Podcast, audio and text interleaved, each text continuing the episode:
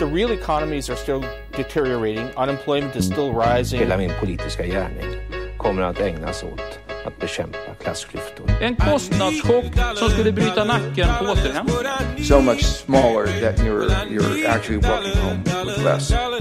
Hej och välkomna till nya pengar och politik. Vi spelar in vårt andra avsnitt. Jag heter Jenny Lindahl och eh, vad heter du? Jag heter Sandro Scocco. Och tillsammans ska vi då idag ta oss an det som idag kallas marknadsskolan i pressen eller friskolekoncernerna eller liknande begrepp, för det är så det har kommit att eh, beskrivas. Men när den här eh, reformen, skolpengsreformen, infördes, då skulle ingen utav, då skulle det inte stått eh, typ okända skolkoncerner köper upp, eh, eh, ja vad det stod, på, någonting sånt på Svenska Dagbladet. Utan då var det ju bara en valfrihetsreform som skulle ge de allra svagaste i samhället någon slags eh, möjlighet att välja en bättre skola. Så beskrevs det ungefär. Ja, det var, och dessutom Och de starkaste. Så, ja, exakt. Och, och storkapitalet var ju inte inblandad överhuvudtaget. Utan det var ju engagerade lärare med särskild pedagogik och såna här saker liksom, som skulle få Exakt. möjlighet. Det var ju liksom små kollektiv. Det var väldigt eh, på gränsen till sådär vänsterartat socialistiskt. Det var lite, ja eller kanske me- mer miljöpartistiskt. Det var tusen blommor blomma utav medborgarna och lärarnas engagemang. Exakt. Den bilden Om har ju man vill lite- gå i Waldorfskola, varför ska man Ja. inte få det då? Ja, exakt. Så var stämningen. Den stämningen Och- och är lite här- borta. De här lärarna som har en som brinner för sin särskilda pedagogik, ska inte de få det då? Ja, exakt. Och ska inte, lär, ska inte liksom föräldrar få välja de här brinnande liksom lärarna för sin pedagogik? Exakt. Och det var också de här särbegåvade eleverna i något särskilt ämne. Ska inte de få, ska det inte kunna finnas en skola där de kan satsa på att utveckla sitt intresse? Och så var det dessutom de här allra svagaste. Ska det inte finnas någon skola som passar för just dem och så vidare? Ja, och inte bara det. det, var det jag är ju så gammal så jag kommer ju ihåg allt det här. va. Det var ju också faktiskt en eh, reform för att bryta den redan då befintliga segregationen. Det var ju ett stort nummer att nu ska att- alla få gå i bra skolor. Det är bara att välja en jättebra skola och gå i den och då slipper man den här närhetsprincipen och då Precis. minskar segregationen. Det var, Tesen var att boendesegregationen i kombination med närhetsprincipen ledde till att eh, personer som redan var segregerade låstes fast i också en segregerad skola. Exakt. Och så att det fanns mycket godsaker, mycket eh, tusen blommor blomma som dessutom ledde till alternativ pedagogik och som ledde till en, att man bröt segregationen i skolan. Så det var inte lite saker marknadsskolan skulle lösa helt enkelt.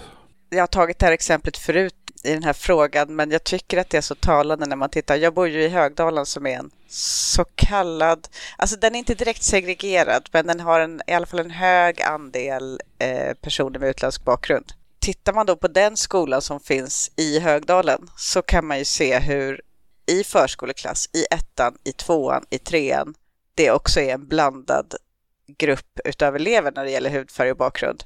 Men när man kommer upp i nian så är det inte längre det utan då har alla vita flytt.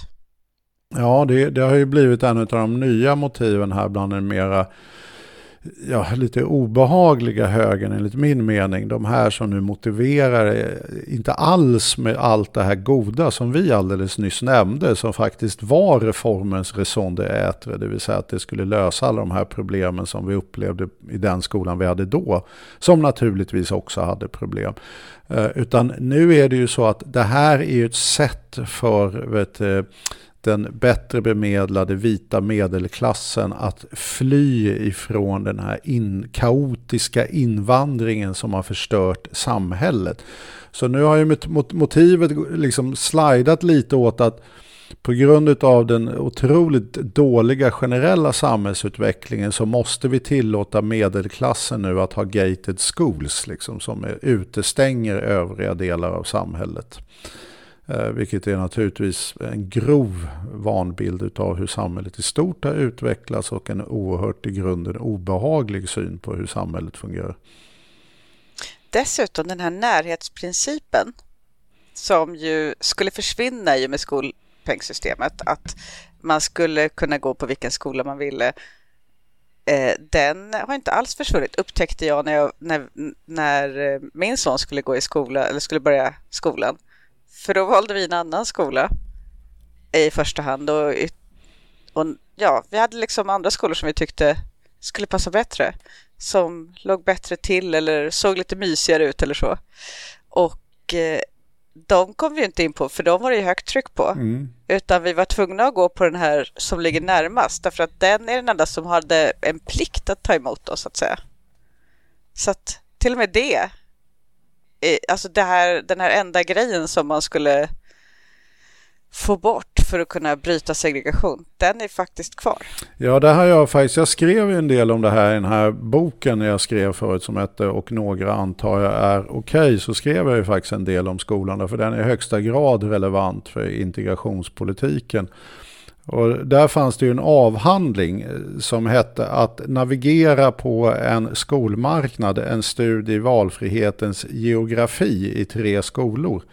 Ehm, och där vart ju slutsatsen av den här avhandlingen det blev ju att eh, skolvalet är fritt för de redan privilegierade.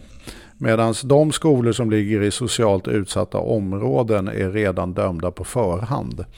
Och det tror jag är en rätt bra beskrivning. Att det, det, är, ju, det är privilegierade insiders som i hög utsträckning får en möjlighet till val. Uh, och inte minst är ju effekten av det då omdebatterade kösystemet är ju naturligtvis att man måste vara en privilegierad insider. När en normal förälder eller en som flyttar till en stad kommer på att mina barn vill gå i en viss skola så är ju det tåget har ju gått för länge sedan helt enkelt. Och hur stor är skillnaden mot innan det fria skolvalet då när det gäller det? Alltså har inte privilegierat, man har en känsla, så som kommandes från inte superprivilegierad miljö så har, har man alltid haft en känsla av att privilegierade insiders går på någon annan skola.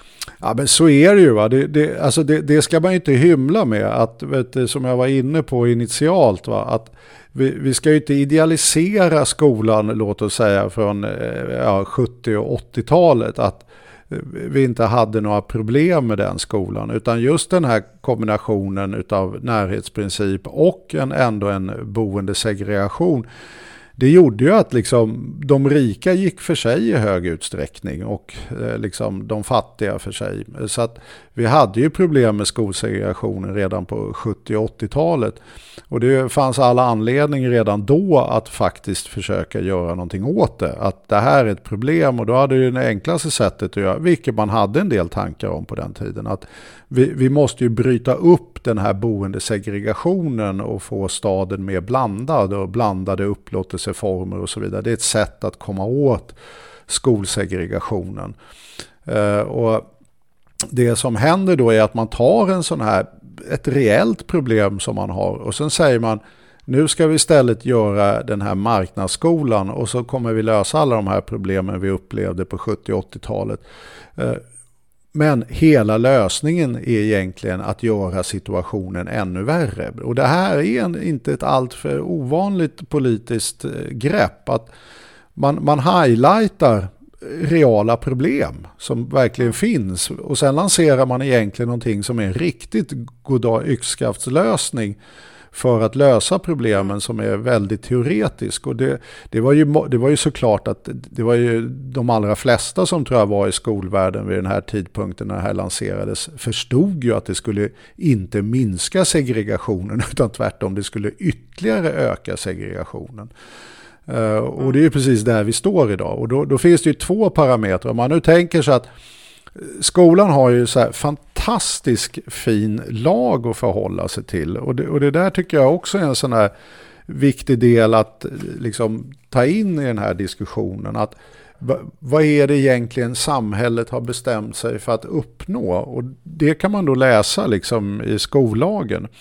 Och där är det ju så att skollagen är väldigt tydligt kompensatorisk. Det vill säga i första kapitlet och fjärde paragrafen där så innebär det att alla elever oavsett då geografisk hemvist eller sociala och ekonomiska förhållanden ska ha en lika tillgång till utbildning och att man då ska kompensera för de bakgrundsfaktorerna. Och att utbildningen ska vara likvärdig oavsett var den anordnas och så vidare. Va? Och skolan har en uppgift att vet, stimulera social rörlighet. Det här är ju det som vi har bestämt i riksdagen och lagfäst. Kruxet är det att som skolkommissionen konstaterade är ju det att eh, det här lever ju inte skolan överhuvudtaget upp till. Alltså skolan kännetecknas av allvarliga systemsvagheter. Det har lett till försämrade förutsättningar för en hög kvalitet i undervisningen och att dessa försämringar uppstått som en konsekvens och utformning av genomförande av 90-talets decentralisering och avreglering på skolområdet, det vill säga marknadsskolan.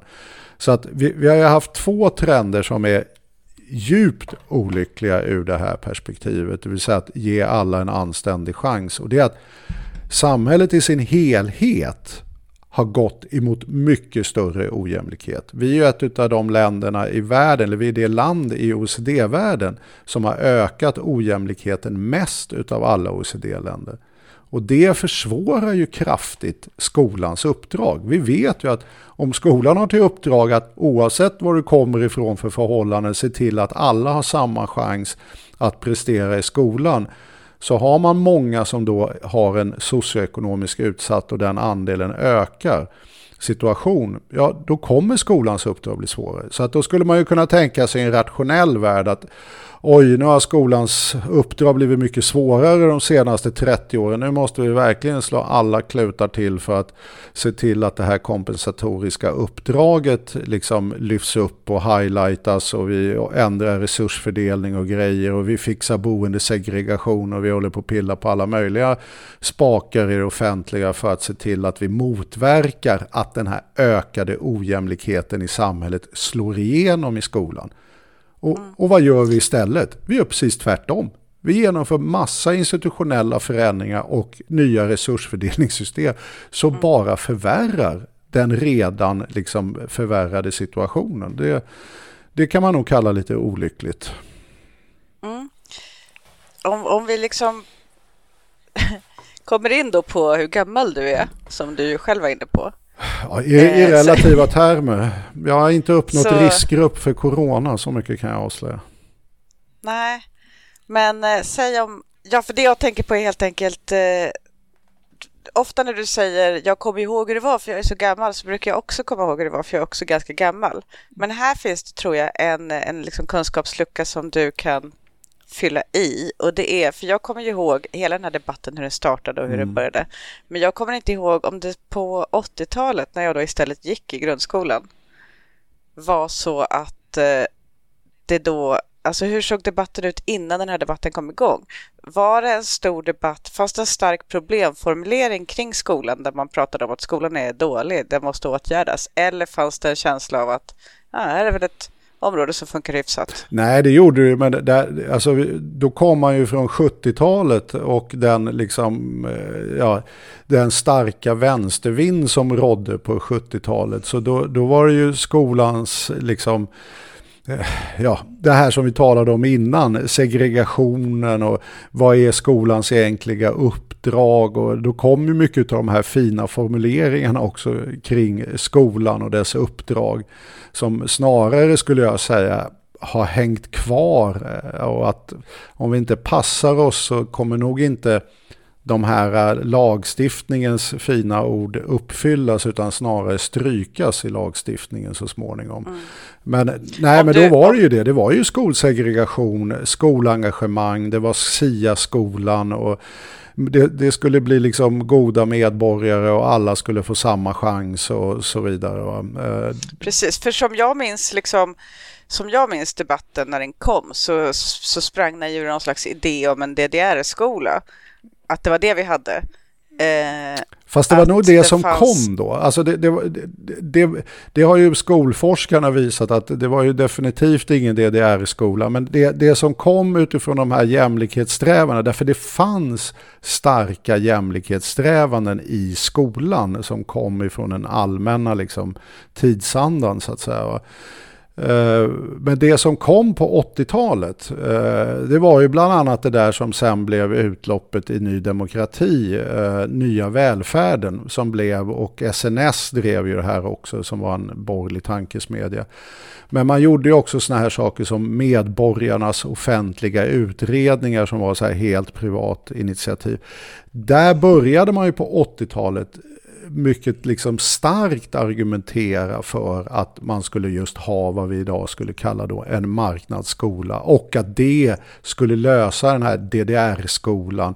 De bästa skulle få en chans, eh, därför det var ju också det som var viktigt. Va? Att den här DDR-skolan höll liksom tillbaka de bästa och satsade bara på någon allmän eh, smethöjning av genomsnittet. Och folks ja, talanger fick inte leva ut och så vidare. Så att det, det var ju mycket frihet, marknad eh, och elitism får man nog ändå säga. Eh, och det, det där var ju, får man ju säga, en enormt framgångsrik kampanj.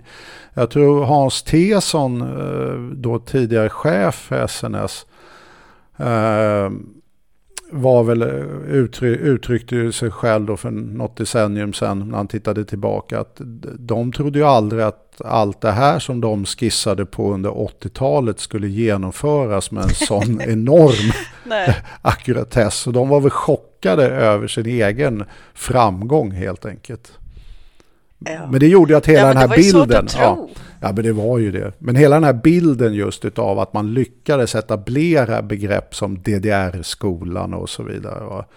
Mm. Eh, Jag gick ju faktiskt i den skolan eh, och det- det är skrämmande. Jag har ju ett, ett barn som går i mellanstadiet nu. Alltså, det är ju tragiskt på något plan, men det är väl så livet är ibland. Men vi sitter och tragglar samma floder och eh, landskap och städer och amerikanska och afrikanska stater som jag gjorde på 70-talet. Det, det ser väldigt likt ut om jag ska vara ärlig i grunden. Mm. DDR finns ju inte dock. Nej, när man tragglar kartan. Kartan har, ju det nej, kartan har ändrats lite men grundprincipen är väldigt, väldigt lik måste jag säga. Det är inte stor skillnad. Eh, Matten Nej. påminner rätt mycket. Så att hela det här med DDR-skolan var ju liksom en, en mytbild som man, eh, en så kallad strawman, det vill säga man, man gör någon skräckfigur utav någonting som egentligen saknar grund men som är väldigt bra att måla upp det här frihetsalternativet som man själv företrädde. Exakt, det var den dominerande högerberättelsen. Ja, Att allt, allt i Sverige var byråkratiskt, diktatoriskt, sossegrått, betonggrått, eh, fyrkantigt. Eh, fanns inget utrymme för individuell frihet eller kreativitet. Nej, det, det, det var ju en allmän bild som eh, fick en, ett, ett enormt genomslag eh, under den här perioden. Eh, Och detta trots att folk klädde sig som de gjorde på 80-talet. Ja, det var ju väldigt färgglatt. tänkt på det? Ja. Det var otroligt färgglatt. Hur kunde man liksom få fram den här berättelsen samtidigt som alla gick omkring med neonrosa rosetter på sig?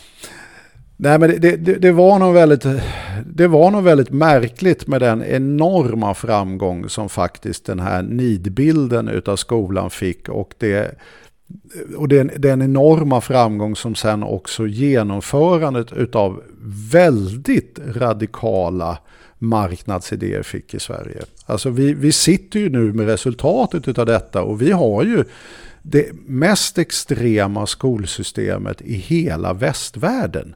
Du vet, försiktiga Sverige, sosse-Sverige, alltså sitter plötsligt med det mest nyliberala skolsystemet som finns i Sverige. Jag menar, Chile hade ju ett, ett liknande system som eh, vi hade eh, Mm, Som efter... Pinochet genomförde va? Japp, och som Milton Friedman var med och designade naturligtvis. Det är en härlig mashup. Det är en eh, Friedman Pinochet slash, nu är det fest, nu gillar vi saker och ting här. Så att de designade ju ett system som liknade vårt. Men det, det roliga är att till och med Chile har ju lämnat det. Va? Så att det är ju så att vi, vi står liksom lite ensamma kvar på den här Pinochet-Friedman-positionen. Lite kanske förvånande. Mm. Nej men det är verkligen en, det måste vara den uslaste liksom, kombinationen av politiska system när man har eh, re reaktionär fascism plus marknadsliberala ekonomiska lösningar på allt. Ja, det är inte särskilt trevligt. Alltså man, får inte det, man får inte det goda med det onda någonstans, utan man får det onda med det onda. Istället för att få åtminstone lite ordning och reda med fascismen så får man inte det. Ja, det och istället för att få åtminstone få folk göra vad fan de vill med eh, nyliberalismen så får man inte det.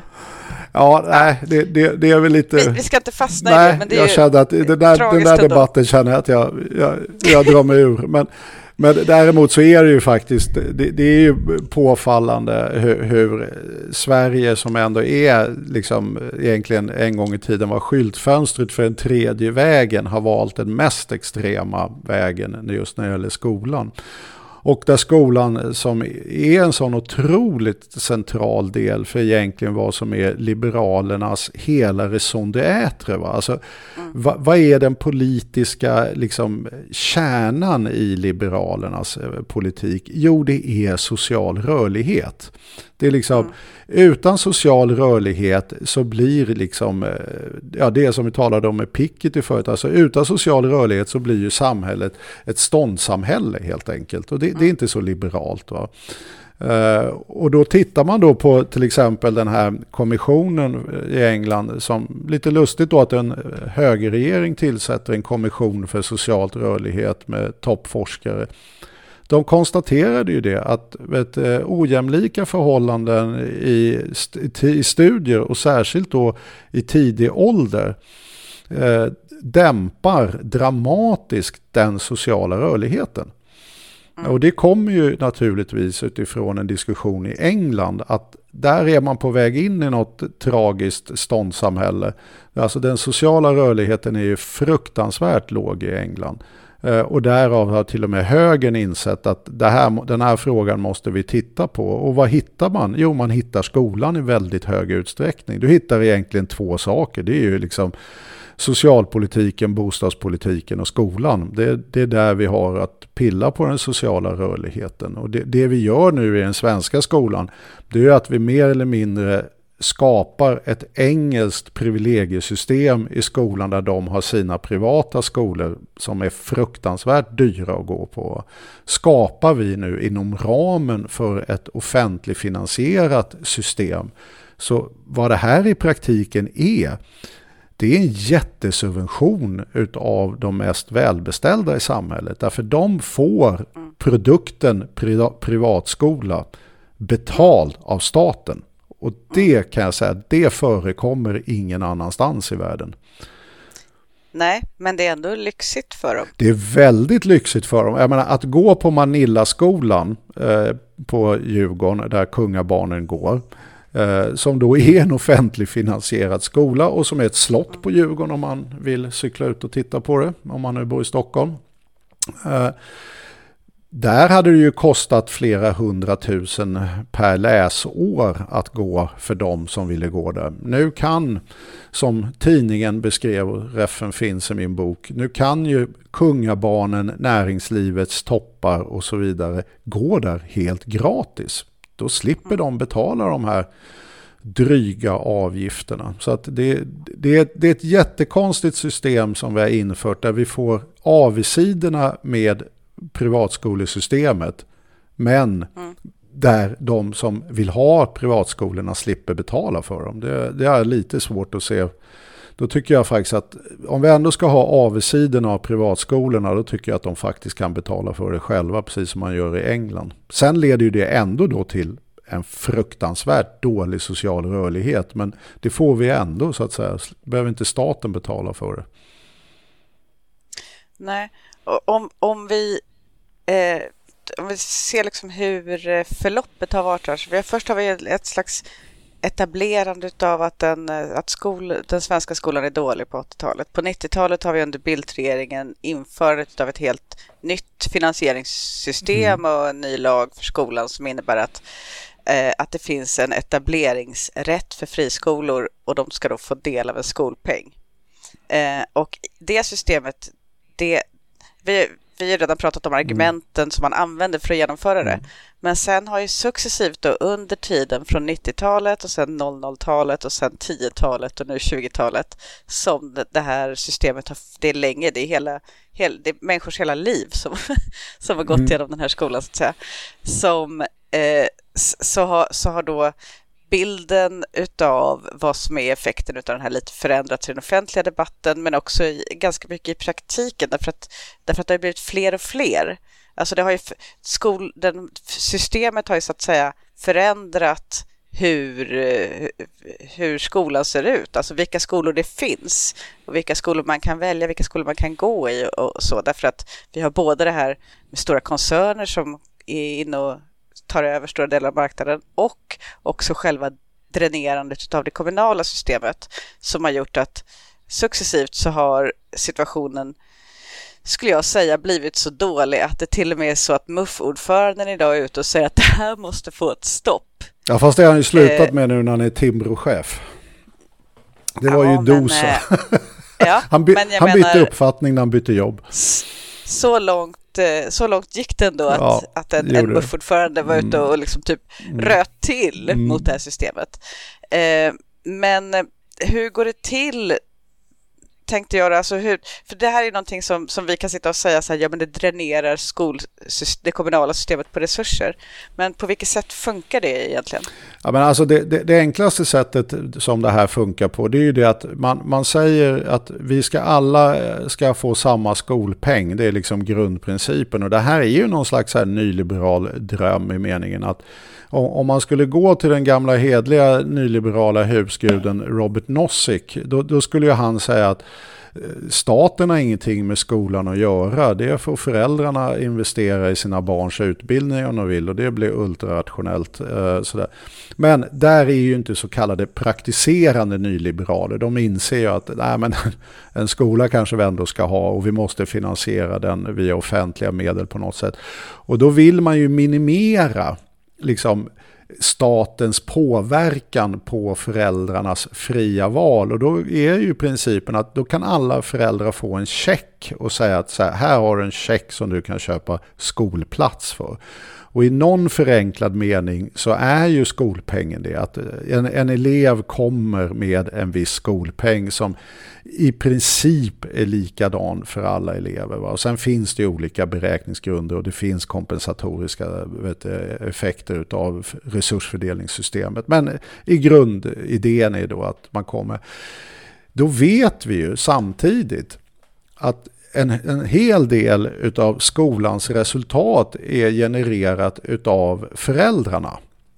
Uh, och det här är ju liksom hela poängen med just eh, problematiken kring skolan. Att om du vet att det är föräldrarnas utbildningsbakgrund och socioekonomiska status som i, i stor utsträckning styr resultatskillnaderna mellan skolor och huruvida du behöver extra resurser eller inte Ja, då vill man ju naturligtvis lägga skolor där det är så billigt som möjligt att uppnå så bra resultat som möjligt. Och det är inget konstigt om man är en rationell marknadsskolaktör. Va? Alltså i klarspråk, du vill lägga dem på Östermalm och Danderyd. Va? Eller ännu hellre, alltså kanske någonstans med billigare markhyra med rikt folk som Vellinge. Ja, eh, exakt. Jag menar, Välling är ju perfekt för det. Va? Du, du skulle kunna ta, vad vill man, vilka kommuner vill du helst starta vet, friskolor i? Då kan du ta de här 11 kommunerna som är nettobidragsgivare till det kommunala utjämningssystemet. Det är där du vill vara, för det är Sveriges 11 rikaste kommuner. Va? Eh, och gärna helst då antingen få subventioner på marken eller att det är hyggligt billig mark. Då är man på top notch-ändan där. Och det där har ju Jonas Vlachos som jag eh, måste säga, jag beundrar för den. Han är ju professor i nationalekonomi på Stockholms universitet. Att jag beundrar ju den liksom ihärdigheten han debatterar de här frågorna med Verkligen, fakta. Han ger sig och, inte. Nej, han ger sig inte. Va? Det tycker jag Också är, han, är, han, han håller ju igång på Twitter också. Ja, och ta fram massa data. Som, och det är det man behöver här. Och det, det är där jag skulle säga att den här affärsidén och marknadsskolan har gjort konkurs. Va? Att den började ju som vi var inne på som en teori. Att om alla får välja fritt så kan alla söka till de bästa skolorna och då minst, minska boendesegregationen. Alltså det, eller skolsegregation. Det, det var liksom en teoretisk väldigt skör konstruktion som redan väldigt många människor då insåg inte flög. Va? Men idag finns det ju bevisen för det. Va? Det är ju det som är uppsidan med att ha 30 års erfarenhet av det här. Det är ju det att forskningen är ju entydig. Den socioekonomiska bakgrunden har dramatiskt ökat. Ja, de valde att etablera sig, vilket då bland annat Vlachos har visat, i socioekonomiskt privilegierade områden och inte i andra områden och så vidare. och så vidare. Så att allt det här man kunde befara skulle hända redan när man liksom teoretiserade om det finns det ju bevis för att så här ser det ut idag. Och det, det är där jag tror deras stora svaghet nyliberalerna och friskolegängets stora svaghet är att de har ju ett fruktansvärt dåligt sakcase helt enkelt. Det är ju orättvist dock att säga att det bara är friskolor i privilegierade områden. För här ute i orten har vi faktiskt också ett par. Vet du vilka som driver dem? Ja, det är ju du, oftast religiösa friskolor. Ja, det är scientologerna. Ja, det är ju det. Och det, det där är ju sådär det där finns det ju, Vlachos visar ju det. det om, om jag gav sken av att det inte finns friskolor i ett, eh, socioekonomiskt svagare områden så stämmer ju inte det. Det var inte det som Nej, jag ville. Det det. Men här, i dem får vi då istället lära oss konst, jag vet inte, 17. Vad tror du man får lära sig egentligen på scientolog? Eh, man skulle testa, skicka in en wallraffunge, ska vi göra det? Ja, det är, det är faktiskt det man kanske skulle göra där. Därför att det, det som liksom lite händer ändå som man ser, det är ju det att det är en enorm övervikt eh, på de skolor som de väljer att placera i helt enkelt i socioekonomiskt privilegierade grupper. Och jag skulle gissa att om man bryter ner det där så kommer man upptäcka att det just är någon form av religiösa friskolor som finns representerade i mindre privilegierade områden. Jag tror att Akademia var Vlachos inne i någon diskussion där de då skröt naturligtvis. Titta, vi har ju en skola i det här området och Vlachos svar på Ekonomistas var ju det att Jo, det är ju en skola, men jag kommer inte ihåg exakta siffrorna, men det hittar ni i den artikeln. Men ni har ju 40 skolor och 35 ligger på den övre halvan och kraftigt överrepresenterade i de mest välbeställda områdena. Och den här skolan är hänvisar till är inte särskilt svag i riksgenomsnittet. Va? Så att det, det, det är ju såklart, det är ju inget konstigt tycker jag, att om, om du är en skolentreprenör då skulle jag ju också göra det valet. Att om jag vill göra vinst, då väljer jag ett område där skolan mer eller mindre är självgående. Det, det, kommer leda till att jag behöver mindre resurser och jag kan ändå uppvisa väldigt bra resultat. Och de mindre resurserna är synonymt med mer vinst till mig.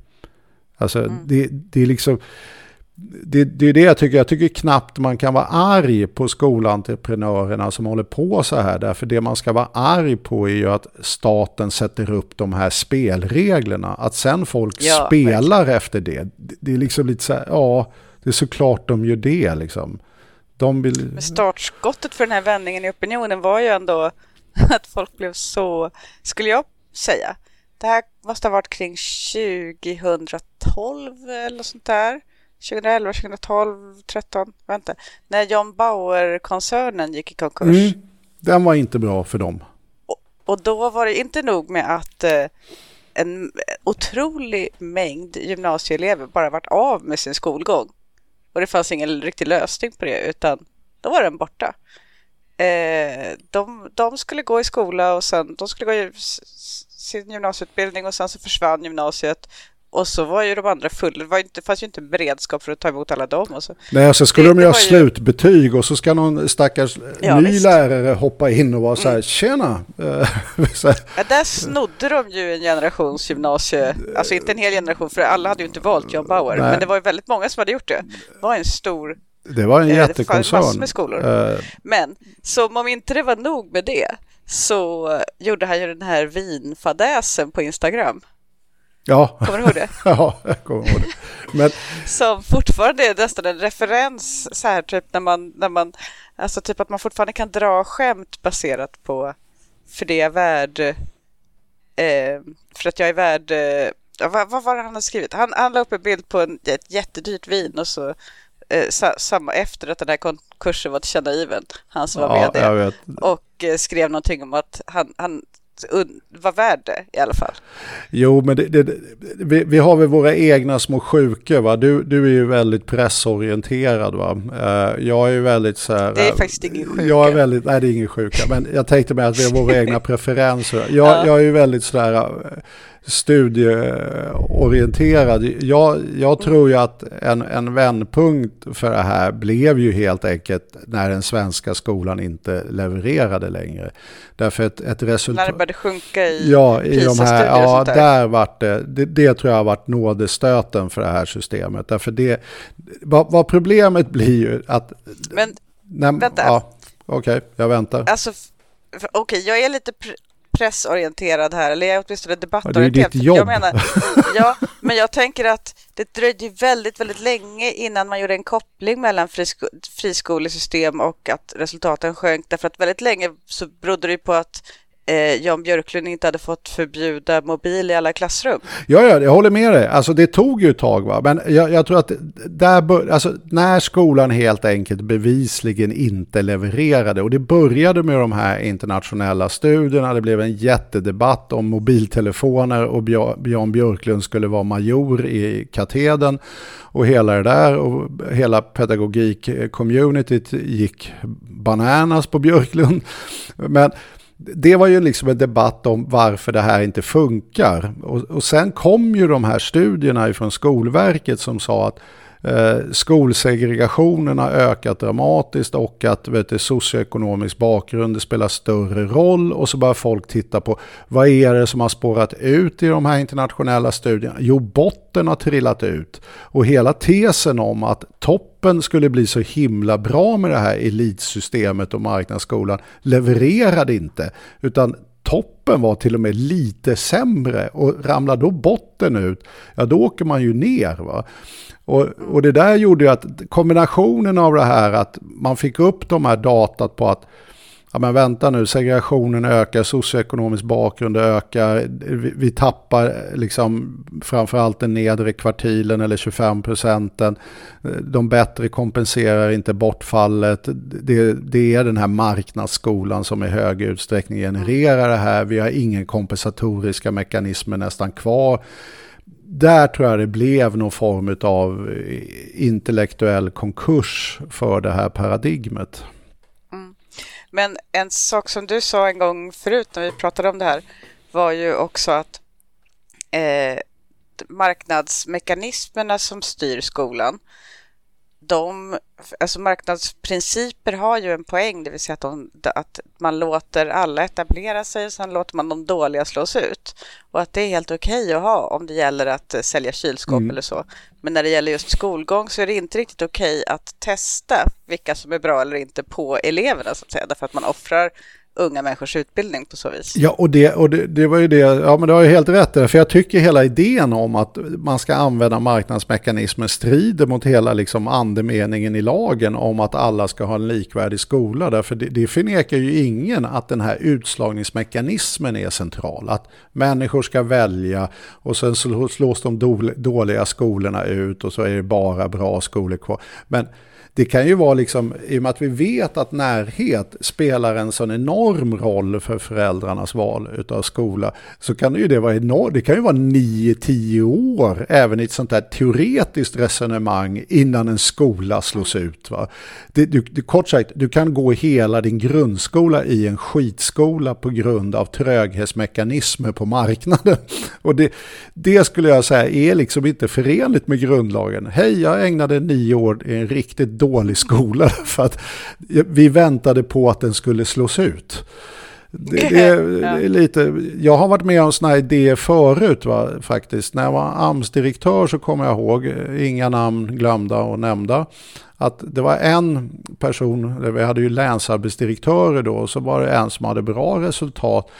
Då tyckte de, jag hade ju ansvar för bland annat då för att utforma resursfördelningssystemet och så här, då tyckte de att ja, men vi borde ha det prestationsbaserat. Så den som gör bra resultat borde få mycket mer pengar än den som ger dåliga resultat. Det, det, låter ju så här rationellt utifrån någon sån här marknadsperspektiv att en duktig ska få mer pengar, ska belönas i resursfördelningssystemet. Jag fick många jobb och sådär. Och de förstod, eller den personen nu, förstod inte att det var inte det det handlade om. Det handlade ju om medborgarens rätt till en god arbetsmarknadspolitik.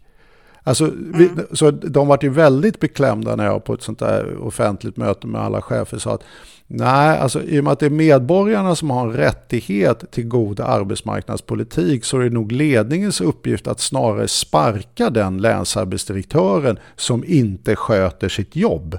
Inte straffa medborgarna ännu mer med att du har en dålig länsarbetsnämnd som man då hade på den tiden, nu har man inte det längre. Va? Men du har en dålig länsarbetsnämnd som sköter jobbet dåligt. Därför får de ännu mindre pengar och ännu sämre förutsättningar för att ge medborgarna i det här länet en bra arbetsmarknadspolitik. Va? Det, det, det blir baklänges va? därför man glömmer att vi börjar med den arbetslöse.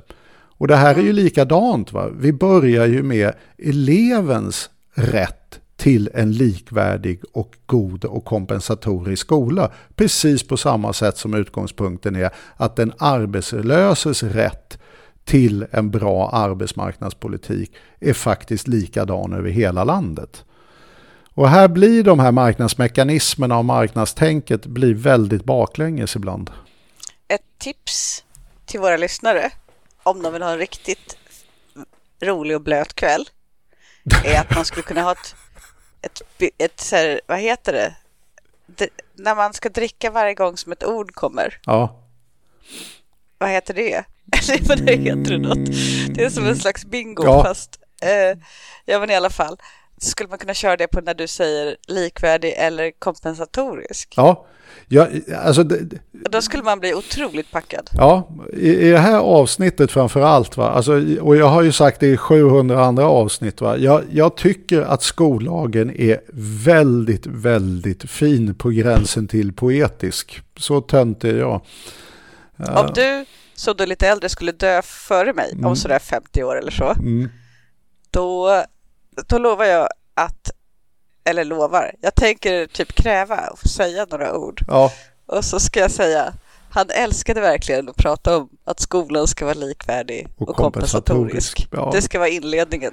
Ja, det är fint. Det är fint som det är snus. Det, som, det är en sån sak som används ett, eh, kärn, ett kärnvärde i din person. Ja men det är det och det är därför det faktiskt är så otroligt viktigt. Alltså det, det är ju det vi måste göra för att klara ett anständigt samhälle in the long run. Annars så kommer vi få att man föds till sin position i samhället som sina föräldrar hade. Och då går fattigdom och elände i arv. Och här kommer skolan och naturligtvis familjepolitiken, bostadspolitik. Det är lite annat som ska till också. Va? Men skolan är ju en otroligt viktig del i att förhindra att människor ärver sina föräldrars situation. Och det tycker jag nog är på gränsen till mänsklig rättighet och det liberala samhällets också faktiskt credo. Det är det här jag tycker att det är så svårt med Centerpartiet som borde ha detta liberala credo står för en ren branschintresse i detta sammanhang. Och jag menar, strider för sådana här frågor som är så helt absurda att de inte ens ska behöva omfattas av offentlighetsprincipen. Så vi, vi ska ge dem miljarder ifrån det samhälleliga som är våra gemensamma skattepengar utan att kunna liksom få reda på vad pengarna ens används till. Va? Det, det är en, för, ja, men för mig är det en fullständigt barock uppfattning. Eh, men den drivs ju av rent branschintresse så att säga. Ja, verkligen. Men förklarade du egentligen? För du skulle ju förklara hur, hur den här dräneringen går till. Ja, just det. det, det här finns det ju faktiskt ett väldigt spännande exempel. Va? Eh, och det är ju nämligen det som händer nu i dagarna. Va? Här, då, SVT tog ju upp det här och det har varit även i andra medier. Och då är ju liksom föräldrar då lite upprörda i Solna över att man ska lägga ner Skytteholmsskolan. Och det är en skola som ligger i centralt i Solna. Eh, och de har då drygt 700 elever och det är då från ettan till nian. Eh, och det är, de ska vet, framförallt då beröra då årskurs 4 till 8. Och det är ett beslut som då skulle ha klubbats torsdag kväll. Eh, och det gäller då från och med höstterminen 21. Eh, och då från 22 skulle det inte heller finnas årskurs 9. Och då skriver ju då vet du, den här personen, Marianne Damström Greben, eh, som är liberal, det här är ju en borgerlig kommun, att nej men det här är skolförsörjningsplanen. Vi har 500 tomma skolplatser i centrala Solna, så vi lägger ner skolan. Men då är ju folk lite upprörda över nämligen att det, det läggs inte bara ner skolor i Solna. Det startas skolor i Solna också. Och det är inte så konstigt för det är en väldigt expanderande kommun. Va? Eh, och det som startar där är Engelska skolan. Eh, och då säger oppositionsrådet Arne Öberg här då att eh, nu är det ju så att det är inte så att föräldrarna har valt Engelska skolan utan de lägger ju ner vår skola. Och så vi tvingas ju börja i den här nya skolan då, som är då Engelska skolan, den som oftast dyker upp i debatten numera. Och det där kan man ju då tycka är lite lustigt, att det ser verkligen ut som en tanke att en skola startar och en läggs ner och det är samma åldersgrupper som pekar. Men är det verkligen 500 tomma skolplatser så undrar man ju lite varför Engelska skolan startar där. Och jag är en sån här som googlar då på skolförsörjningsplanen i Solna Eh, och hittade då den och hittade då en utskrift också i Solna-Nytt i april 2019. Och det här beslutet om Engelska skolan initierades ju 18-19 så det måste vara den försörjningsplanen man gick på. Och då kan man läsa där vet du, att eh, skolplatser medan kapaciteten i skolorna i centrala Solna är tillräcklig för att möta behoven. Alltså inte ett ord om att det var 500 för mycket platser i centrala Solna. Eh, därför de ger ju sken av att det här är nu en omplacering mellan kommundelarna så att typ underförstått folk ska ha nära till skolan. Mm. Och då kan man ju undra lite, men vänta här nu, vad var det för beslut ni tog? Va? Jo, det är nämligen just att Engelska skolan öppnar höstterminen 21 det vill säga exakt samtidigt som den andra skolan lägger ner just årskurs 4 till 9 med plats för 6 till 900 elever. Det vill säga de 700 som fimpades i Skytteholmsskolan. Och då kan man undra, ja, men är det verkligen så ojämnt fördelade och är upptagningsområdena så skilda? Och då googlade jag på det där och då hittade jag var den där skolan, nya skolan, som faktiskt inte gick att hitta vettiga uppgifter på Engelska skolans hemsida, men det gick när man kunde googla via ett byggbolag. Mm. Då är det alltså ungefärligen en promenad på en kvart och någonstans i faggorna på kanske 1,3 mm. kilometer. Eh, och det är ju en hel del då bostäder runt det där området. Va? Vilket gör ju det att upptagningsområdet är ju sannolikt exakt samma more or less, mm. som för Skytteholmsskolan. Så att det här är ju en ren, skulle jag säga, att man lägger ner en skola och startar upp en annan. Va? Och det är då Engelska skolan en privat skola och lägger ner en kommunal skola. Och då kan man ju undra, vad är, vad är det här för konstigt eh, sätt att bete sig på? Man, det är ju en så Men de har väl inget val? Nej, jo, alltså det är ju det som är lite knepigt. Va? Alltså, det har de ju. Eh, att de, de kan inte hindra Engelska skolan att etablera sig. Man måste ju göra ett samråd med kommunen. Men det här är också spännande då, att det var ju faktiskt förslag på att kommunen i sådana här lägen, när det var balans och man inte behövde skolan eller behövde lägga ner någon annan skola, mm. då skulle kommunerna få veto. Det var ju då de rödgröna överens om. Mm. Eh, och här visas ju återigen det farliga med SD.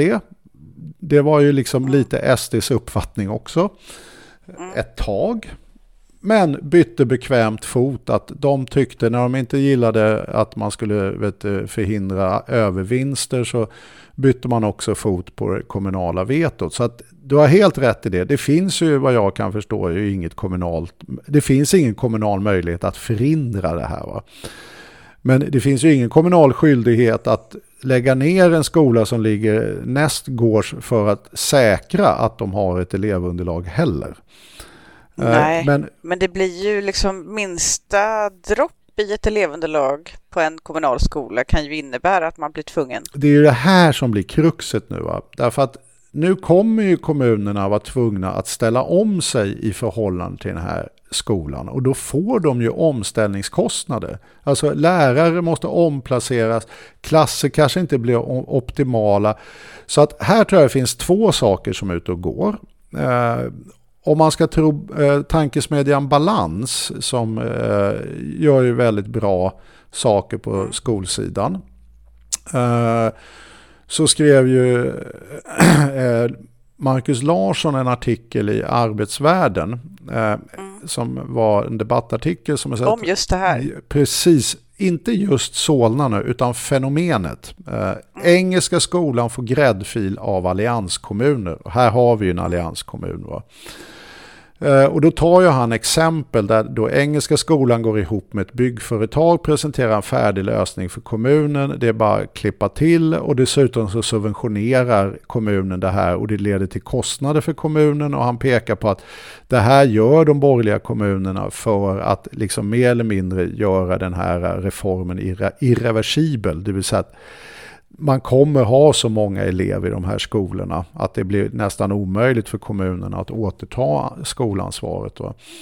Eh, och man har då till och med subventionerat hyrorna, pekar han på då, som kommunen säger att det finns särskilda skäl därför de vill ha just den engelska skolan. Men det har då tydligen förvaltningsrätten då underkänt att man kan inte subventionera privata företag från kommunens sida, vilket jag också skulle säga om man kunde lite om kommunallagen. Men han visar just på det att det finns liksom en väldig vilja hos liksom borgerligt styrda kommuner att kraftigt öka etableringen av de här så kallade friskolorna. Uh, och, att det, och det finns liksom, det är inte, inte nära konspiration, men det finns liksom en, en politisk ambition kanske man ska säga i alla fall. Mm. Till det ska man sen lägga då att om nu Engelska skolan vill etablera sig där, så för Solna blir det ju en risk att just Skytteholmsskolan, att de kanske just förlorar halva, kanske, eller en tredjedel av underlaget. Det räcker ju för att skapa väldigt stora merkostnader för kommunen. Så att kommunen hamnar också i en dålig situation när de inte kan förhindra den här skolan att etablera sig. Därför det kommer leda till, hur man än vänder och vrider så leder det till merkostnader. Och det upptäcker man om man går in på hur det här beslutet har tagits i Solna. Va? Eh, och då är det ju bara positivt och trevligt. Va? Eh, och då är det ju nämligen det att Vasakronan, och här får man ju säga att balans tes håller. Va? Vasakronan är ju ett fastighetsbolag eh, som äger då fastigheten Diktaren 1 som den här skolan ska ligga i. Och de ska då omvandla lokalerna till skola åt internationella skolan som de har ett avtal med. Så det förefaller ha gått till precis på det sättet som Balans beskriver. att här har ett fastighetsbolag velat utnyttja sina lokaler på ett effektivt och liksom vinstgivande sätt. Man har tecknat ett avtal med Engelska skolan, går till kommunen, säger det här tänker vi göra. Kommunen tycker kanonbra, då lägger vi ner den här skolan istället. Kruxet med allt det här är ju att det leder till omställningskostnader plus att kommunen faktiskt i linje med då det som Balans tog upp eh, också har lovat då att se över vägförbindelser och så vidare till fastigheten. Det vill säga att mm. de tar på sig ett infrastrukturansvar kring skolan som kostar kommunmedborgarna. Så det här kan man ju undra lite över. Varför skulle medborgarna tycka att det var så viktigt att man la ner infrastrukturkostnader, man vet, ökar segregationen i skolan för att få ett vinstdrivande företag som Engelska skolan dit? Um, mm, varför skulle medborgarna tycka det? Ja, och jag, jag, tycker den frågan hänger väldigt mycket i luften. Och dessutom medborgarna är... var ju med på det tåget innan de förstod att det var konsekvensen och tänkte att konsekvensen var den vi beskrev i början här, nämligen man ska väl ändå få välja? Ja, men jag, jag tror att det är lite så. Va? Det låter ju himla trevligt, man får ändå välja. Och Solna, vet, eh, kommuninvånarna i Solna har ju röstat fram ett borgerligt eh, alternativ och de tyckte säkert att Engelska skolan låter väl som en trevlig skola. Det är bara det att nu är ju helt uppenbart föräldrarna ifrån då Skytteholmsskolan lite upprörda över att det var just den skolan som skulle läggas ner. Och det var kanske inte jättekonstigt med tanke på närheten att upptagningsområdet förefaller ju vara rätt närliggande. Och nu är föräldrarna arga och nu tror jag väldigt många har svårt att se varför lägga ner en välfungerande skola och generera en ny privat skola till en högre kostnad för kommunen och till medborgarnas irritation. Det låter väldigt mycket som man har snarare en politisk agenda än kommuninvånarnas bästa. Och som lite så här grädde på moset då så kan man ju då, för några dagar sedan så hade ju då DN också då en, en artikel om Engelska skolan eh, och dess ägare. Och det är ju naturligtvis då eh, finansman eh, och det är en internationell finansman från Sverige. Uh, och uh, han då har en fond, en sån här riskkapitalfond eller hedgefondsliknande lösning. Uh, och det är finansmannen Jan Hummel. Uh, och han har nu köpt ut hela svenska då, uh, eller innehavet utav Engelska skolan. Uh, så att de har ju flyttat ut Engelska skolan ifrån börsen och att han är nu en vinstdrivande koncern som han tycker att det här genererar bra grejer. Vi har stora expansionsplaner uppenbarligen i Solna också.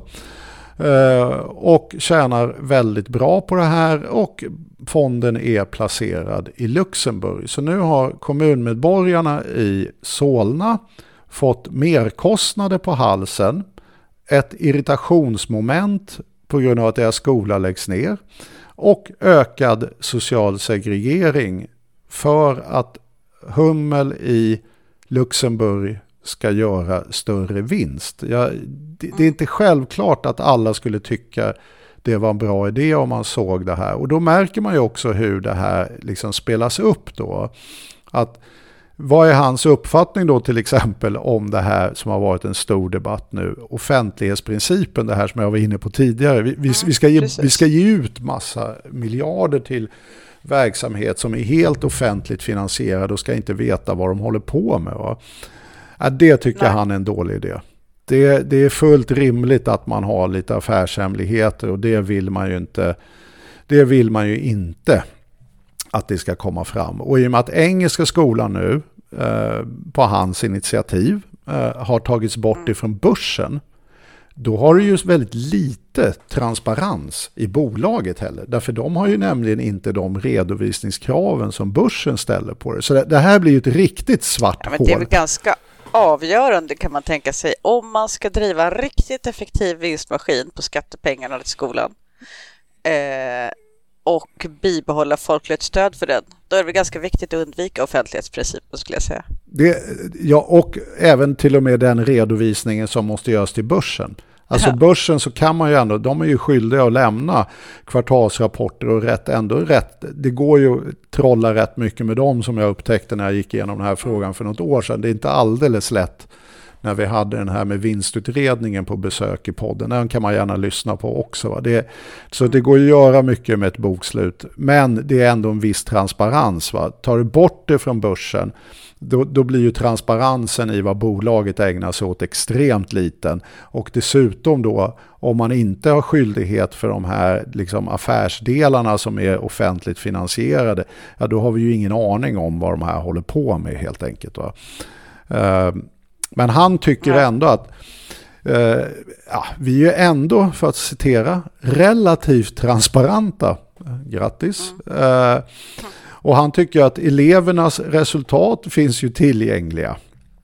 Jo, mm. och som vi var inne på, jo därför de genereras ju utav själva lokaliteten. Alltså det är ju inte mm. skolan som gör det. Så att de, de etablerar sig i områden där de vet att det är bra skolresultat. Så det är såklart att de inte vill skämmas för dem så att säga. Va?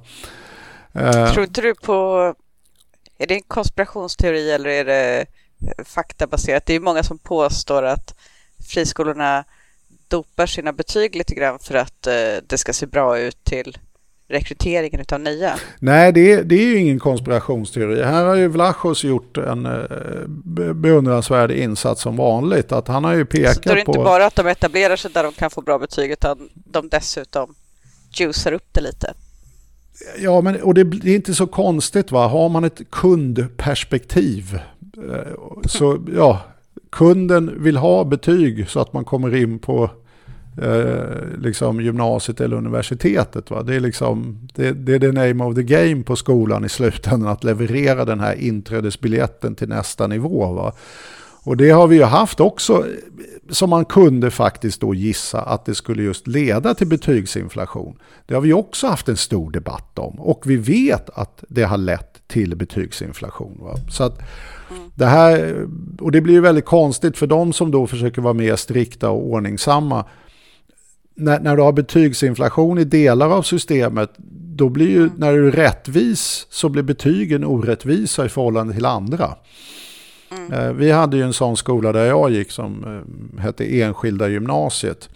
Eh, mm. Den gick under benämningen bland elever. Bättre bemedlade, mindre begåvade var smeknamnet på skolan. Och det, och det var ju innan det här med friskolor och allt det här. Va? Så den var ju lite mm. mer privat på riktigt. Eh, och det var ju så att om föräldrar upplevde att barnet inte fick tillräckligt bra betyg helt enkelt. Då blev de lite Då kunde man kinkiga. skicka dem till enskilda gymnasiet som var en innerstadsskola också. Och där plötsligt mm. blev betygen fantastiskt mycket bättre utan att mm.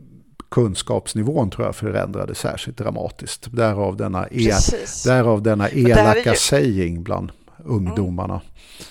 Det är lite intressant också mot, om, mot bakgrund av det som, från, det som av Björklund med flera utmålat som problem med skolan, att det inte är ordning i den, att det inte är, det är liksom inga regler och strukturer och man får inte ens ta någon elevs mobil på, på lektionen utan att det blir...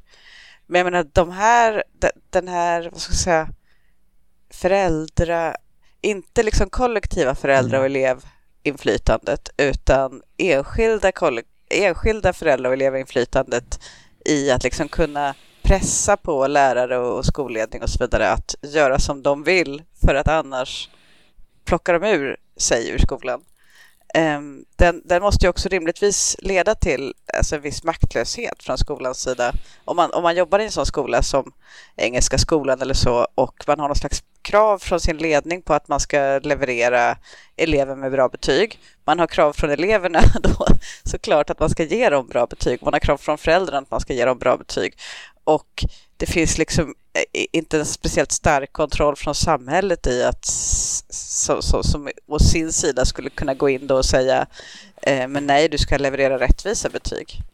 Den pressen är ju mycket mindre. Nej, men den pressen existerar ju inte. Va? Och det, det, det, det var en jättekul eh, sån här seriestrip som jag såg. Va? Alltså så här 1980 och så satt läraren med två föräldrar och en elev och så säger läraren så här, mm, det här går inte särskilt bra. Och så vände sig föräldrarna till eleven och började skälla på en väldigt olycklig elev där. Va? Mm. Uh, och så var det strip så här, 2020, så här, va? exakt samma situation. Uh, det här går inget bra för Kalle. Uh, och strippen är då istället två föräldrar som mycket aggressivt väljer att attackera läraren istället. Mm. För att läraren inte ger helt enkelt tillräckligt bra betyg till Kalle. Därför det är det mm. som föräldrarna numera är intresserade av. Att, så att jag, jag, tror att den seriestrippen har väldigt mycket i sig. Vi fick ju i den skolan mm. mina, mitt barn går i så fick vi en lapp hem där det ombads att föräldrar skulle lugna ner sig därför att det började bli ett arbetsmiljöproblem för lärarna. Mm. Uh, och det, det är ju det som... Nu är det ju betygssättningssäsong. Ja, men det är ju det. Alltså man, föräldrarna vill sätta press på lärarna att sätta mm. de betyg de vill ha på sina barn istället för den gamla principen att man satte press på sina barn att de skulle plugga lite mer.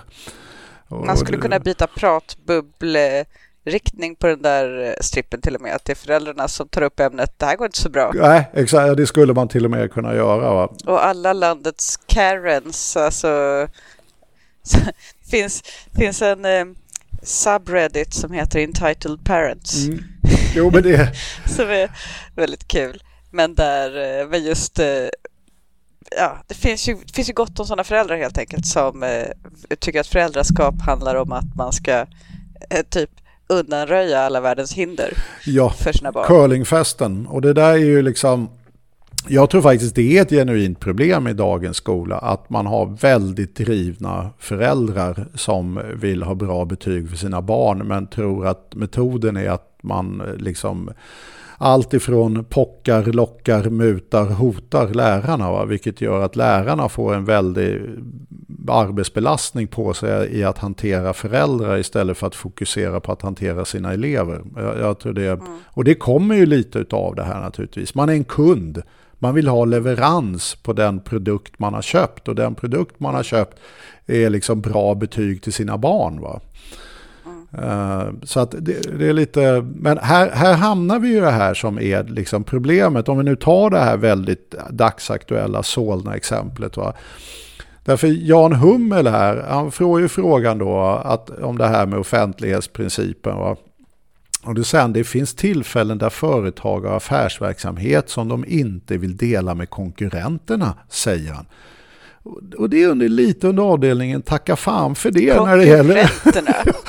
Jag tror han, det, det han alltså, menar är, så... han vill inte dela det med någon. Hur mycket pengar han plockar ur engelska Nej. skolan och lägger in i sin fond i Luxemburg och tar ut skattefritt. Jag skulle gissa att en alltför vild gissning inte är att han vill inte dela den informationen med någon överhuvudtaget, allra minst Skatteverket förmodligen. Men vad är det för Alltså det är också så knäppt, för okej, säg anta att han har kommit på en superlistig undervisningsmetod som, som liksom revolutionerar inlärningskapaciteten och, eller utlärningskapaciteten eller rättningshastigheten eller vad det nu kan vara. Det är någonting som är så fiffigt att, eh, att liksom hela, skol, hela utbildningen effektiviseras. Eh, då vore det ju också väldigt tråkigt om inga konkurrenter, som han kallar dem, kunde börja tillämpa samma metod. Ja, nej, men alltså det där finns det ju otroligt stabil forskning på. Va? Alltså när det gäller den här typen av verksamheter, och det gäller faktiskt också vet du, sjukvård och omsorg ja. och så vidare. Va?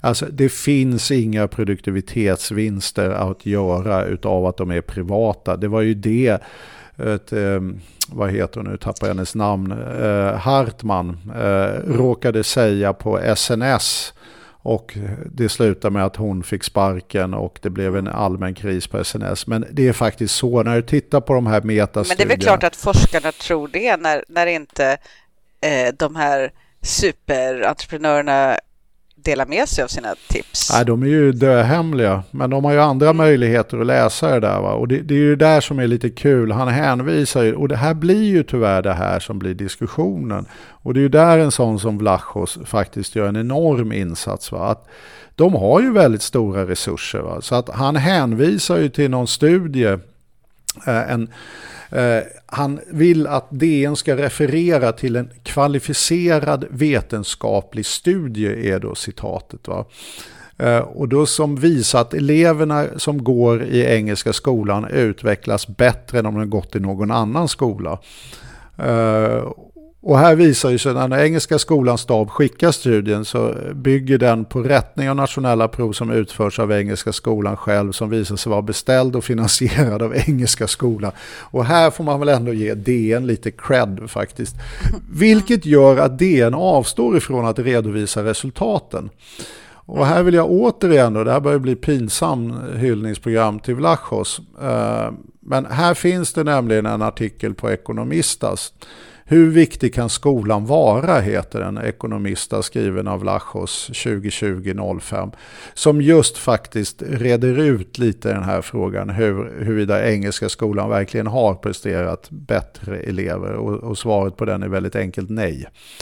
Eh, däremot så spelar andra saker roll som vi redan har nämnt. Det vill säga att de här är ju självgenererande resultaten i hög utsträckning. Så det så kallade förädlingsvärdet är väldigt svårt att fånga i skolan. Eh, men, mm. men, det, finns, men, men, det, är här vi kommer, det är här vi kommer se mer utav. Där hade ju Karin Pettersson en väldigt bra artikel mm. i Aftonbladet. att Alltså när den här, riktigt bra artikel. Ja, eller hur? Alltså när, vi kanske kan lägga ut någon länk på någon social plattform vi har eh, förhoppningsvis. Mm. Eh, men när näringslivet kämpar för vinstintresset som det verkligen handlar om här. Det, det, det, är endast då de egentligen på riktigt orkar mobilisera stora krafter. Och så har det varit genom hela historien. att när de upplever att Nej, men nu är vinstintresset hotat, då, då kommer det fram riktiga muskler. Så att den här striden kommer att bli blodig. Och jag skulle säga att idag har vi i praktiken näringslivet på ena sidan och branschintressena. Sen har vi jättestora delar utav befolkningen som har förstått mer eller mindre vad som pågår och är emot detta. Och sen har vi en riksdag som har en majoritet för det här. Vilket är en väldigt konstig ordning egentligen ur ett demokratiskt perspektiv. Att det här stödet i riksdagen borde inte vara så starkt som det är för de här frågorna kan man konstatera givet när man tittar på vad svenska folket tycker om dem. Det är ju fortfarande så i riksdagen. Det finns ju, finns ju alltså det finns fattade beslut i partierna. Men min prognos är att det här kommer vända för att eh, det finns inte så mycket retoriskt stöd längre för detta. Hade det varit så, alltså det är ingen som vill debattera det här. Det är ingen som vill liksom åka ut på någon debattturné och prata om hur bra friskolan är, utan de enda som vill åka på debattturné är ju de som är emot systemet. Ja, lite så är det. Plus att det börjar ju bli väldigt korvigt här. Jag menar, bara ta just engelska skolan. Alltså, du vet, att just DN bara har en intervju med den här Hummel i Luxemburg och att han känner att det här med offentlighetsprinciper är jättedåligt. Sen dagen efter dyker det här med Engelska skolan i Solna upp och arga föräldrar och merkostnader för kommunen. Alltså det är så här, mm, det börjar bli ett väldigt jobbigt läge och tycka att det här är en jättekul idé. Va? Men Centern förefaller ju vara fullständigt oförskräckt över det förändrade eh, samhällsdebattsklimatet tycker jag. Men Centern är så långsiktiga. Jag tror inte alls att de är oförskräckta. Inför, alltså jag, eller så här, jag tror inte att de är opåverkade. Men de är så himla... Ja, jag har våra planer, det här går över. Eh, det är nästan en komplimang här. Men jag tycker ändå det har något att liksom inte bara rasa med opinionens yttringar hela tiden. Ja, men det, det håller jag lite mer om. Va? Alltså, det, det, det, finns en ihärdighet i deras eh, positionerande som man ändå i dagens vindflöjelvärld får beundra. Men, men däremot så kan jag samtidigt tycka att det är... Tråkigt att det ska drabba alla barn i Sverige. Ja, inte bara det, utan i, i fråga efter fråga att de så mycket har tappat sin ideo, egen ideologiska bas och blivit mm. extremt mycket branschföretag företrädare. Jag, jag är orolig att det här kom när de liksom kände att de ville in i den borgerliga värmen. Och då ska man ju veta det att bland de övriga borgerliga partierna, så, och särskilt Moderaterna, så ses ju Centern som opolitliga. De, de är opolitligt borgerliga. Och jag tror att en strategi blev här att vara pålitligt borgerlig. Det var att liksom, jag tar alla Almegas förslag, vilket de har gjort. Jag tar alla fastighetsägarnas förslag. Jag tar liksom, de helt okritiskt hoppar in i branschföreträdares eh, liksom synpunkter och analyser som är i praktiken, skulle jag säga, om man kan någonting om frågorna, oförsvarbara. Va? Alltså du, det är man borde inte som politiker ta en så knepig position i förhållande till sakläget. Det går att manövrera helt enkelt smidigare. Uh, och det, där tror jag tyvärr att det här med att man har hoppat i säng med socialdemokratin nu och gjort januariavtalet har tyvärr gjort den här önskan och ångesten över att inte ses som ett pålitligt borgerligt parti ännu större. Och därför driver de liksom snäva branschintressen från arbetsgivarsidan ännu hårdare. Mm. Och det, det, det, jag skulle verkligen önska att Centern satte sig ner och funderade på vad är vår ideologiska grundkompass egentligen. Jag menar, Annie Lööf kom ju ut efter sin ledighet och sa jag är socialliberal. Det, det är någonting jag tycker. Jag, jag, jag, erbjuder mig här och nu att åka ut och sätta mig någonstans med Annie Lööf på en kursgård i två dagar och diskutera vad innebär begreppet socialliberal? Det, mm. det skulle jag gärna göra. Vet, vet du, det där känns ju som, eh, jag vet inte, säkert givande för er två. Men det, jag skulle kunna göra en lång lista på saker jag hellre skulle göra än att vara med på din och Annis konferens där ja, social.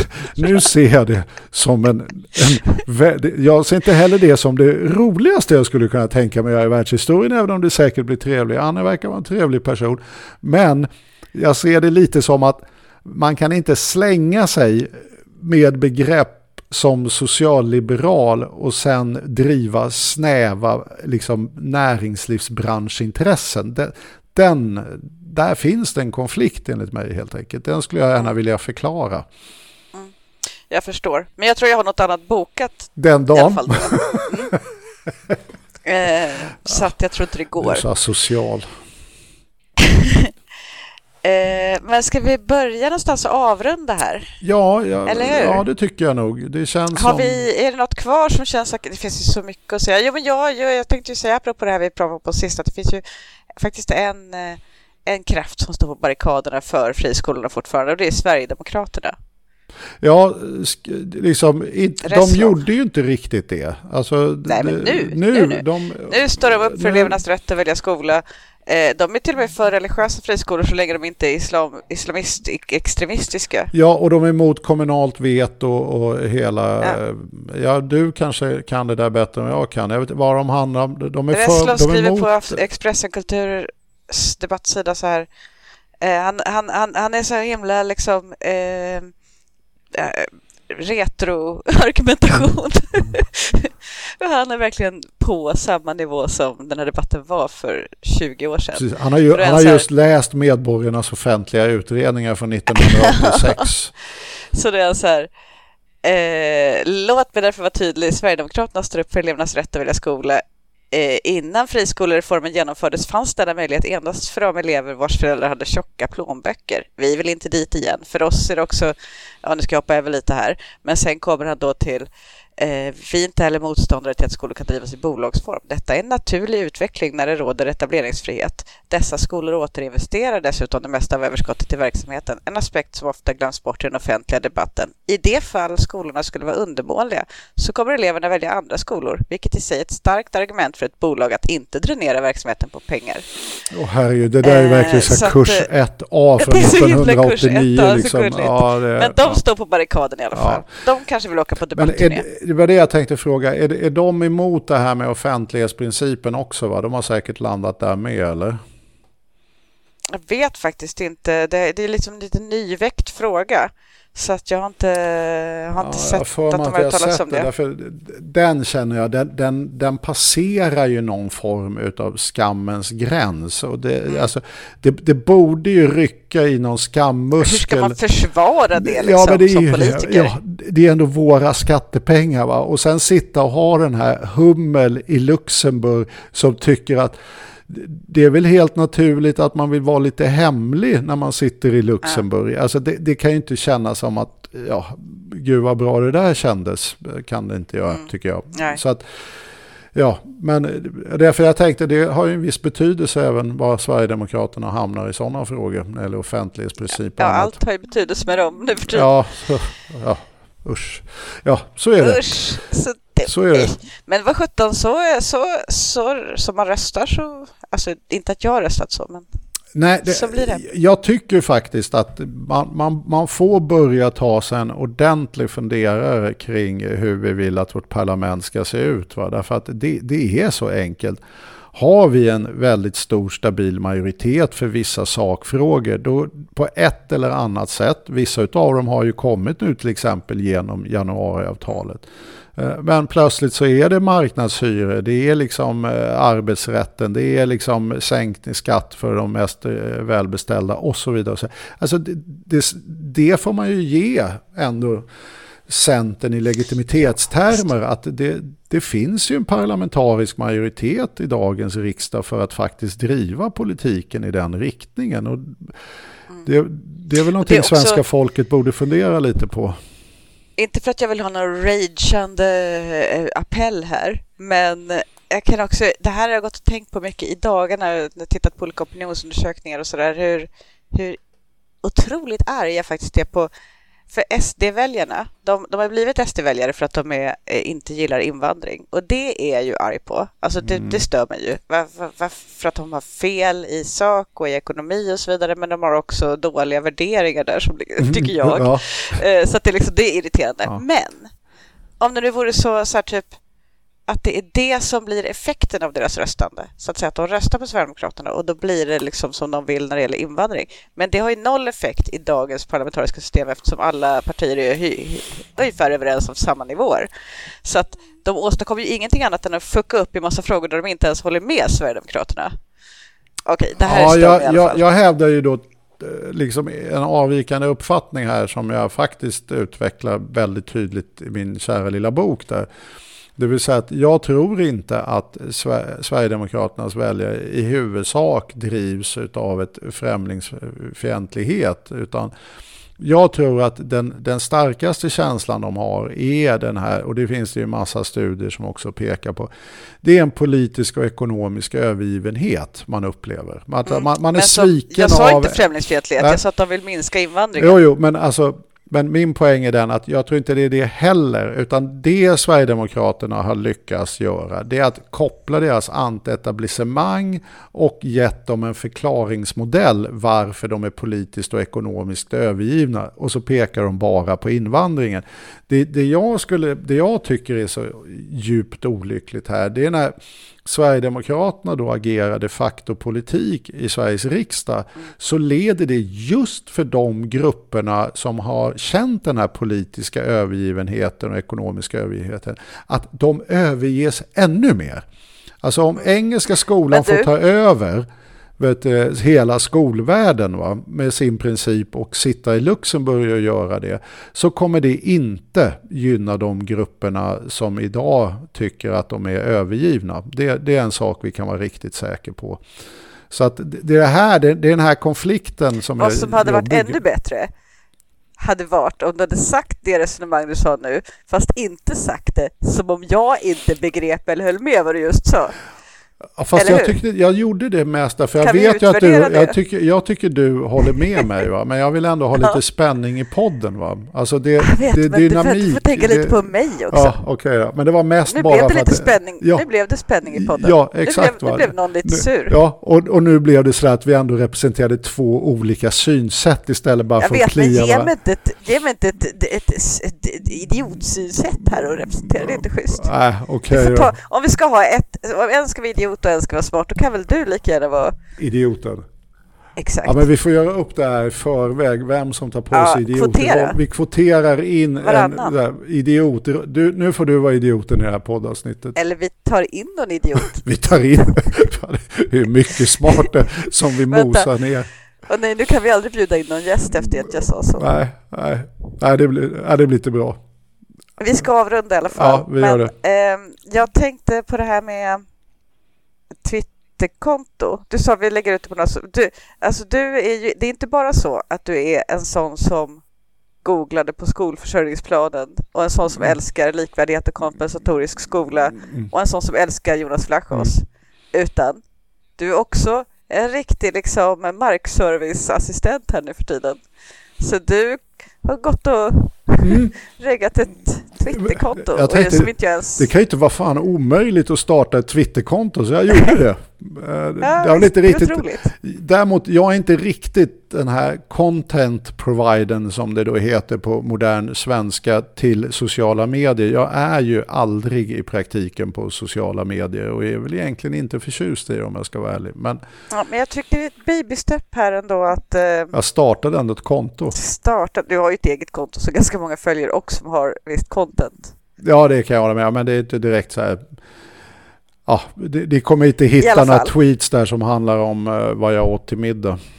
Jag tänker ju så här, för nu, eh, förra avsnittet som vi skulle spela in vart ju inställt på grund av sjukdom, så det är en månad sedan vi spelat in sist. Eh, men eh, just nu så, vi tror ju och hoppas att detta avsnitt inte är mysko sammanblandat med gamla pengar och politikskanaler. Ja, verkligen. Eh, det är vad vi tror och hoppas på. Ja, men det tyckte jag ändå ju- vi var väldigt, väldigt tydliga med. Alltså, nu har jag förstått att det har skett något tekniskt abrovink där, va? men vi, vi vill vara väldigt tydliga med det och det var vi också eh, i första avsnittet. Att det här är numera ett hobbyprojekt för dig och mig och har absolut inga som helst associationer med Arena Idé eller Arena-gruppen. Nej. Men om det nu, så, så vi tror och hoppas att det här inte når eh, ut på, via någonting som är Arena Idé-relaterat i kanalväg. Absolut. Jag menar, Ja, folk, jag. folk håller på och skriver, när kommer nästa avsnitt, hur hittar jag Mm. min spelare och så vidare. Okej, fast de skriver inte med löjlig röst som jag just sa, utan de skriver helt Jag normalt. tänkte också det, det var en så jävligt elak beskrivning. Jag vet, men jag är lite, jag är lite, jag är lite trött eh, Ja. idag. Ja. Ja, Mm. Okej, men ehm, i alla fall, så då eh, om du säger, det här, är min, det här är min, du vet jag är expert på kommunikation, jag jobbar ju Det var det jag med kände avancerad faktiskt. ko- ko- Det här- strategisk kommunikation och så. Så vill du höra min plan? Ja. Du säger vad, vad Twitterkontot du har reggat heter. Och sen, de som råkar lyssna på det här, de Eh, kan eh, joina det. Eh, och sen kan de dessutom sprida podden åt oss. Ja, Det är det är min eh, genialiska plan. Din genialiska plan låter ju briljant. Eh, Jag, jag har mångårig erfarenhet så jag tror att vi kan känna oss trygga. eh, Då ska vi se här vad, det, vad det kan heta. Ska jag kolla dina sms? Nya pengar och politik eh, kallas den ju. Eh, Podden ja. Ja, exakt. Och det, det var liksom namnet som kom ut. Men sen vart det ju någon sån här trunkering utav namnet på eh, Twitter. Så att jag tror att den hette vet du, ät nya pengar och sen ett O eh, och polit, polit, poliett tror jag den blev namnet. Vad bra du är på att läsa. Ja, jag försöker ju hitta den här samtidigt. Mm, jag ska kolla då vad du har, för du har ju smsat där till mig, eller hur? Eh, jag har ju det. Vi- är vi, två- vi, vi, vi genier på det här området. Istället för, att, istället för att en fick vara idiot så kan vi liksom hjälpas åt. Det är också, Ja, nu hjälps vi åt. det är alltså åt att, framstå som dumma. Men Ah, Eh. Okej, vet du, det heter Nya pengar och politik. N-Y-A-P-E-N-G-A-R-O-P-O-L-I-T-I-K. herregud. Nya pengar och politik. Alltså inte och och inte och-tecken utan o. Nej, oh ja. Jag gjorde Nya precis, pengar och ja, politik. exakt va. Och jag tror att det är trunkerat. Så när man ska göra en sån här A1 då. Då tror jag att den heter nya pengar och så bara fimpar de vid poli och la en etta efter där. Tror jag den heter. Men det lär vi upptäcka. Men jag, jag känner, jag känner att Jenny, Vet du, gör så här. Du kan ju dela det från ditt Twitterkonto. Du heter ju Skocko-Sandro. ja just det, det gör jag.